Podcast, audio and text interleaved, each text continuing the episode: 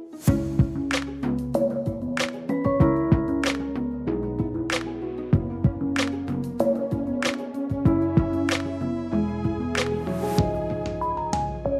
tak naprawdę z kolejną zmianą polityczną Dziś- nie ci, to inni się Dziś o e, godzinie 13 e, planowana jest Det konferencja. her er lyden av en polsk nyhetskanal som den polske frilansjournalisten Sylvia Skårstad har som en del av sitt morgenritual.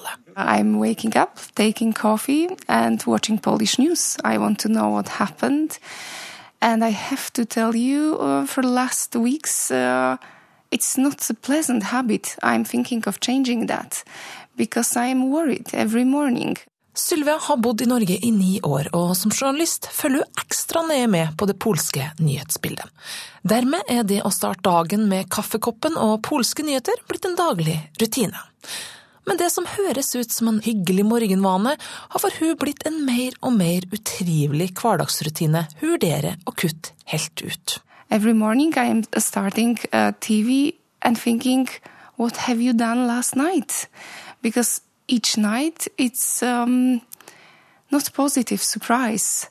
Our parliament is working in the nights, probably because then no one is protesting and no one is asking questions. And then we are waking up and there's new reality, there's new regulations, uh, new law, and no one likes it. Nei, for det har vært en del misnøye blant det polske folk de siste månedene. Egentlig helt siden Lov- og rettferdighetspartiet, også kjent som PiS, fikk regjeringsmakta i oktober i høst. Med 39,1% av stemmene og rent flertall i nasjonalforsamlinga sitter de både med makta til å styre og til å vedta nye lover mer eller mindre alene. Oftere og oftere har opposisjonen tatt til gatene for å protestere. Spotykamy się, bo zagrożona jest wolność mediów, bo zagrożona jest demokracja, bo media są Beata Geppert skal ut for å demonstrere, men det blir ikke nevnt på radioen. For polsk radio har fått ny leding. Demonstrasjonene har vært mange, og handler både om lover rundt det polske rettssystemet, abort og det som kanskje opptar Sylvia mest, medieregulering. Regjeringen tok i dag kontroll over statlige medier og lover å sparke alle kritiske journalister. På en av årets siste dager i 2015 ble en medielov vedtatt i det polske parlamentet med 232 mot 152 stemmer. En lov som ga finansministeren i Polen all rett til å innsette og avsette de øverste sjefene i statlig TV og radio. En medielov som mange reagerte på, og protestene kom på forskjellig vis. Polsk radio spiller EU-hymne hver time i protest mot den nye medielova som gir regjeringa kontroll over den statlige kringkastinga. I played it every second hour, and then they fired me. Ja, han var ikke den eneste som fikk sparken. Ifølge loven skulle de daværende sjefene for TV og radio sparkes med umiddelbar virkning. Men i løpet av kort tid så hadde også mange andre TV- og radiomedarbeidere sagt opp sine stillinger i protest. Så sjøl om finansministeren har kun rett til å utnevne de øverste sjefene, så mener Skårstad at det får større ringvirkninger enn som så. So minister is choosing the most loyal. The chief is loyal to, to the government and he has a mission to change the media. So he can do whatever he wants. And he said to some journalists, uh, You're not working here anymore. You are not loyal to us. We don't see a place for you. So just go and find another job. Uh, by choosing the, the right people. He can decide about everything, how every program will look like. And, uh, and he's doing this. His people are doing this now. Uh, they are um, creating the uh, main news in Polish national TV. And as I said, it's different universe. The main news you see in national media and main news you see in private media, they are two Polands, two universes, two different countries. Sylvia forteller meg at det å se private og statlige nyhetssendinger har nå blitt som å se på nyheter fra to forskjellige land. To forskjellige Polen. Og når jeg spør henne om hvor stor de her demonstrasjonene er, så forteller hun at det kommer helt an på hvem du spør. Private og statlige nyhetssendinger gir nemlig forskjellige versjoner av omfanget av demonstrasjonene. because uh, in national Polish media, uh, if you it will be like 5,000 people met on street and it was nothing important and really we can talk about it for 10 seconds and then let's say uh, about something else. But if you see the same news in uh, private media, it's very different because it's uh, 50,000 people or 100,000 people and that's real that's the, the real number every weekend there is a protest uh, in many cities in Poland. Because, as I said, every weekend there is new reason to protest. 20. april publiserte Reportere uten grenser sin årlige liste, The World Press Freedom Index, som siden 2002 har rangert 180 land etter kriterier som medias uavhengighet, sjølsensur, rettssamfunn, gjennomsiktighet og uheldige forhold. Polen, som før har gjort det ganske godt på denne lista, falt i år ned med hele 29 plasser til en 47. plass. For det er ikke bare folk i Polen som er bekymra for situasjonen. Man ser jo på ekstra sterk eh, uro fordi dette er land hvor, hvor ytringsfriheten har hatt svake kår i, i, deler av historien. Sånn at, eh, at ytringsfriheten og pressefriheten er skjørere i Polen og i en rekke andre gamle østblokkland enn den er i Norge, det tror jeg det er lett å, å, eh, å se. Radiosjef i NRK, Marius Lillien, frykter at det kan gå veldig feil. Det verste som kan skje, er jo at, at vi får en, en, en allmennkringkaster som er, bare blir en forlenget arm av regjeringen, av statsapparatet.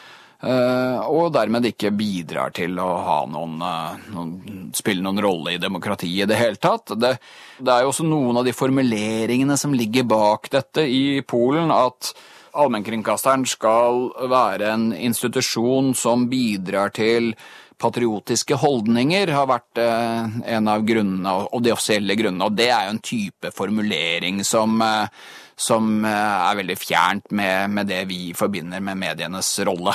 For meg personlig så er dette litt spesielt, fordi for et, akkurat et år siden så var jeg på et stort internasjonalt møte. Et møte med alle europeiske allmennkringkastere som polsk radio arrangerte, og på det møtet så ble jeg valgt inn i en komité, sa en radiokomité i, i, Den europeiske kringkastingsunionen, sammen med en, en sjef fra, fra, polsk radio. Og tidlig i dette året så var han plutselig borte. Sånn at her er det folk vi har, har jobba med, og også som, som, plutselig nå er ute, rett og slett fikk sparken. Sånn at det er en veldig, det er en veldig dramatisk situasjon, altså. Og Sylvia, som kjenner de her journalistene, både fra TV-ruta, men også personlig, kan bekrefte at det stadig vekk forsvinner folk fra statlig TV og radio. It was to journalists, and they refuses to, to make a bad news about opposition because they knew it was fake, it was just a lie. Uh, and they were fired the same day they lost jobs. Has there been a lot of journalists losing their jobs? Like, what do you know about that? No one knows numbers. I think I can say tens, but it may be hundreds because everyone we knew from uh, main news in national TV are gone now they just vanished. They disappeared. Some of them they went to private media. Uh, I believe uh, not only people who we see on screen are gone, but also those who we never saw. Uh, so I think it, it may be hundreds.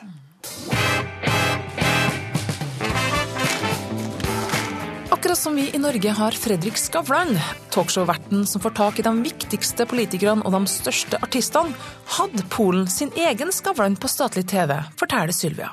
For example, uh, Tomasz Lis, uh, very well journalist in Poland for years, he had fantastic program in national TV. He was uh, inviting the most um, uh, important politicians, uh, artists uh, to talk. And his program was extremely popular. and now it's gone. After many years, it's gone because they don't like him. He's saying directly, I don't like new government. So he's fired. Now he has a program in internet.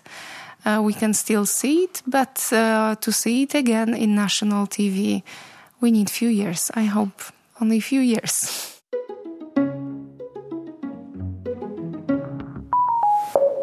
Ikke alle er like overraska over den nye medialoven som har kommet i Polen. Bjørn Cato Funnemark er tidligere leder av Solidaritet Polen-Norge i sin tid, og har jobba mye med media i Polen.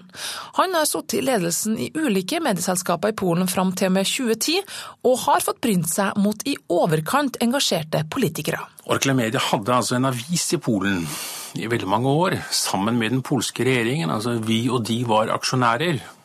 Og det hadde jeg mye med. Så, så, så, jeg har litt sånn erfaring med hvordan politikere ser på media, også gjennom det samarbeidet. Hvordan opplevde du det å skulle samarbeide med polske myndigheter? Altså, staten var jo aksjonærer, og sånn sett så kunne man jo tenkt seg at staten var mest opptatt av de, de økonomiske resultatene. Men det staten var opptatt av, og dette var jo da regjeringer, og vi forhandlet jo da med, med medlemmer av den polske regjeringen. Det var jo stort sett bare opptatt av hvem som skulle være sjefsredaktør, og av hva de likte, og særlig ikke likte, i avisenes innhold, eller denne avisens innhold. Så de la seg litt borti eh, hvordan avisa skulle Ikke bare litt heller, de la seg meget oppi det. Det var det de var primært interessert i. Og det, Jeg sier det fordi det, det viser at historien er sånn at det er det, det er det politiske innholdet, det er hvordan eget parti og opposisjonen blir fremstilt i media, som er det vesentlige for politikerne. Og det er det så lenge journalistene ikke er sterke nok til å, til å holde hele den politiske klasse, som man sier i volen, på en viss avstand. De som hevder at polsk media hittil har vært veldig uavhengige, uten uh, noen betydelig politisk innflytelse, og nå da skal bli dominert av politikere, de, de har ikke rett. Eh, min erfaring med Polen er at eh, i hele denne demokratiske perioden så har politikeren hatt altfor stor, alt stor påvirkning på media, altså på de mediene de kan kontrollere. Det betyr da fjernsyn, radio. Altså offentlig radio, offentlig fjernsyn. Og det tror jeg er eh, det vesentlige, at dette er ikke nytt. Det har vært en veldig altså, politisk påvirkning av disse mediene tidligere. Det blir jo ikke noe mindre av dette, og dette er jo ikke en god løsning ideelt sett, det mener jeg jo ikke, men, men, men, men det er ikke noe radikalt brudd med fortiden, etter min oppfatning. Det som burde ha skjedd, det hadde jo vært at mediene, disse mediene var uavhengige av politikere.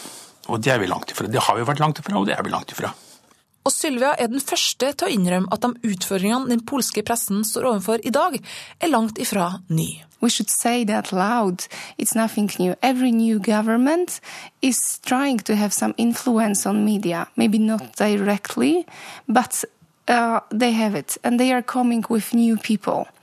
But this time, it's very quick, it's very brutal, uh, it's violent. They are changing close to everyone.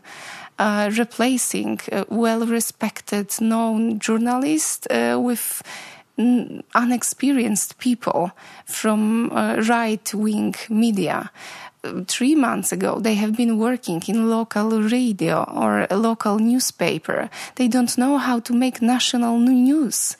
And suddenly, there is no one in national news who can make the news. So it looks uh, very different now. Det Skårstad mener derimot skiller seg ut denne gangen, er at det er kjappere og mer voldsomme endringer.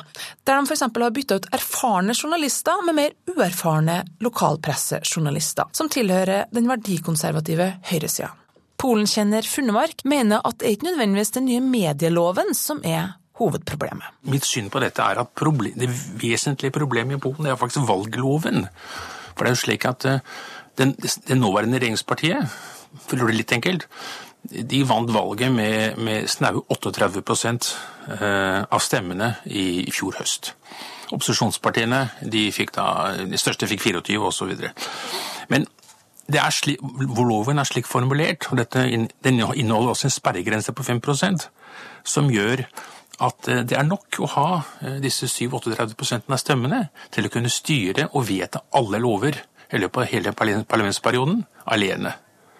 Og Det er nok den egentlige bakgrunnen til at man har sett disse store demonstrasjonene i Polen, tror jeg. De nye lovene har også vakt bekymring i Brussel.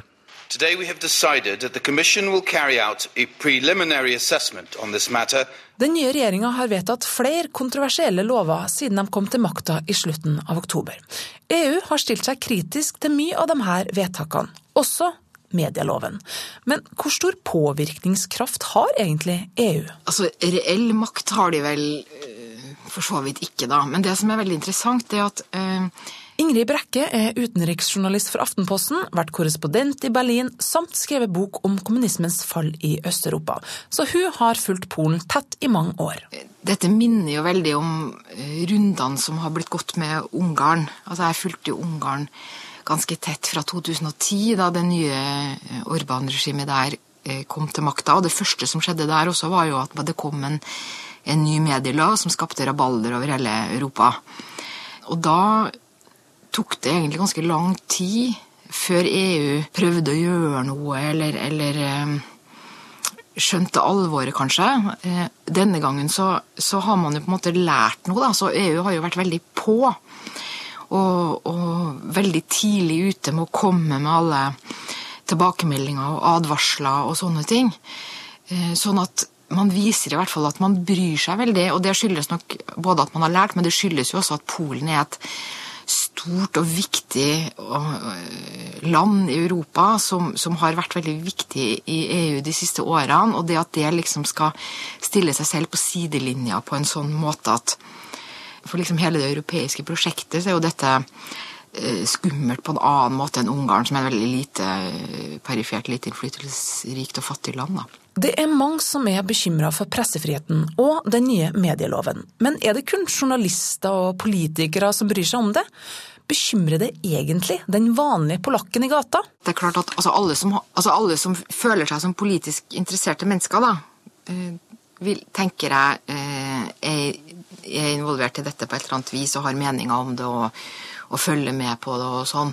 Og det er ganske mange i et, i et land som Polen. Men det er klart, som alltid, det, det er opplagt at det oppleves mest alvorlig for eh, journalister og akademikere og sånne ting. Og det skyldes jo eh, altså Det kan man jo se i alle land, at, at mediepolitikk er jo ikke noe som når folkedypet, heller ikke i Norge. Nei, mange folk i Polen har nok viktigere ting å bekymre seg for enn mediepolitikk, ifølge Bjørn Cato Funnemark. Folk flest har jo, har jo andre sorger. Og det er jo det at Polen er fremdeles et fattig land.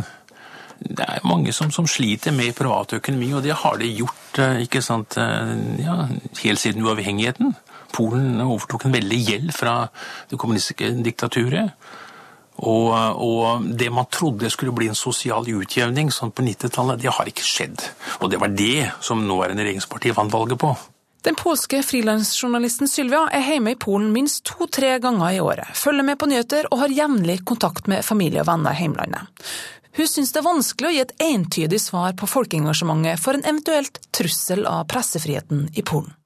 I don't have only one answer for you, because uh, most of my friends uh, from Poland, they already wrote to me and they asked me, can I come to you to Norway? Uh, can you give me asyl? Uh, so most of my um, environment, most of people I know, they are very concerned. We feel ashamed now. Before, Poland was leading the way. Uh, we were example for Ukraine, for uh, Rusland, for uh, a lot of countries. with economy, we were doing very well. With human rights, we were doing very well, and we were proud. Look on Poland. Poland is doing great, and now we are not. Everyone is concerned. United States, the whole Europe. Sylvia innrømmer at hennes nettverk av venner i Polen er stort sett prega av journalister og andre som er bekymra for utviklinga, og forteller litt spøkefullt at venner skriver og spør hun om de kan komme til Norge og få asyl her. Men hun anerkjenner likevel at en stor del av befolkninga ikke nødvendigvis deler hennes syn på regjeringa. Den delen som var lei av den forrige regjeringa, som stemte på PiS og som ønsker seg at de endringene som den nye regjeringa kommer med, er av det gode. Some people still want to believe good change came because they were so tired of previous government. Uh, it was imperfect. It was a little arrogant. It was uh, there for last eight years. So maybe it was a little boring. That was the the thing. But boring government, it's not the worst what can happen to the country. Uh, yes, so that's uh, Telewizja Polska, program pierwszy. That's that's the main TV channel. That's the main TV channel, and I have to tell you, I'm not even watching movies there. I'm not even watching sport because I don't want to support uh, this. Sylvia viser meg den polske statlige hovedkanalen.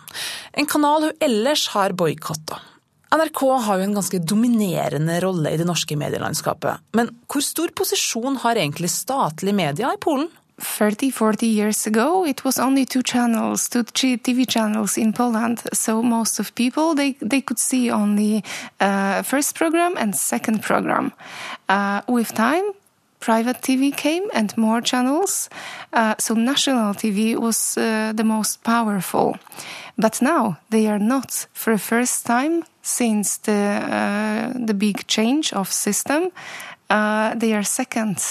Because in last few weeks they lost 10% of viewers people don't want to see it and you know last week um, it was published the new data and 10% of people are gone uh, so the chief of tv was asking uh, scientists who said he's not watching Polish TV? I want to know his address. It's ridiculous. I know it's it's absurd. Like he cannot agree. Sylvia kan fortelle at nasjonale medier har hatt den dominerende posisjonen i Polen, men nå, for første gang, har de ifølge nye meningsmålinger mista 10% av seerne og blitt nummer to. Et forskningsresultat som TV-sjefen ikke var særlig fornøyd med. Og det er kanskje en grunn til at seerne forsvinner, for hun syns f.eks. at statlige nyheter har forandra seg dramatisk. Like before, national news they had a lot of correspondence in the world and a lot of uh, news live for example live from new york live from london. Now there's no one who can do that. So uh, there's no live news from london anymore because people have to learn new people to do it Og også utenriksjournalist Brekke har hatt et godt inntrykk av statlige medier til nå. Hva journalister sier til meg når jeg har vært i Polen, som er en stund siden nå, siden i høst. Og det er jo at eh, statlig TV har vel vært eh, anerkjent som en, eh, en god eh, nyhetskilde, men de har jo ikke hatt den samme posisjonen i folket som NRK har i Norge eller BBC i Storbritannia f.eks. Eh, men om det skyldes eh, dårlig økonomi og dårlig kvalitet på andre programmer, eller, eller, hva det skyldes, det vet jeg ikke. Men at de har vært eh, generelt anerkjent som, som en pålitelig nyhetskilde og, en, og en, et sted hvor du kan stole på det som blir sagt og sånn, det er mitt bestemte inntrykk. Men Ingrid tror ikke vi skal miste håpet helt ennå, så lenge private medier fortsatt får være fri i Polen. Det er jo bare en del av mediebildet i Polen. De har jo veldig sterke private medier, som f.eks. den eh, største avisa Gazeta Wyborcza, som, som er en privateid, veldig, veldig god, liberal eh, avis. Sånn at foreløpig så, så, er jo mediebildet veldig differensiert.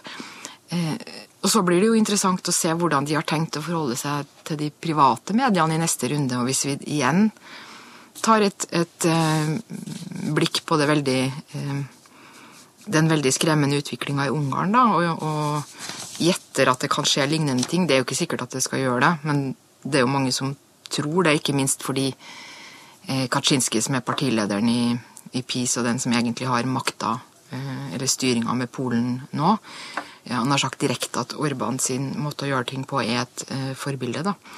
Og det Orban har gjort, er jo også at eh, han slutter å putte statsannonser i private medier, som er en veldig viktig inntektskilde, eh, uh, f.eks.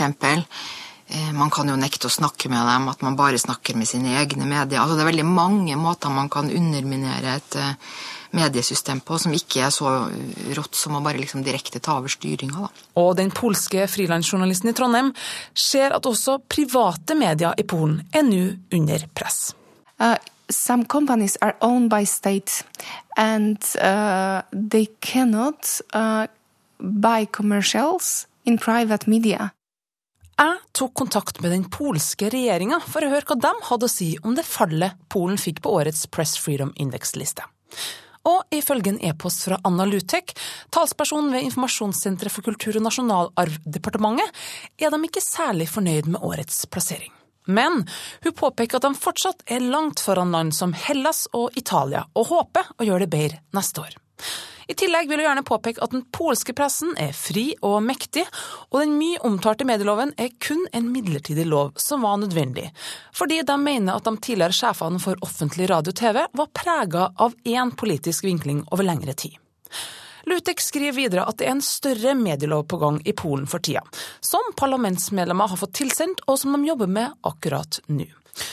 Den er bestående av tre lovforslag, hvorav det ene forslaget er at fremtidige offentlige TV- og radiosjefer skal velges av et nasjonalt medieråd, og ikke lenger være en bestemmelse underlagt en minister. What's the worst that can happen from now on?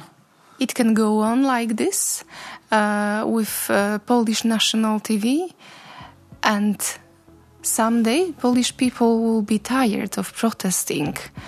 Uh, in the end of day, you just want to sit with your family, eat dinner, and relax and watch series.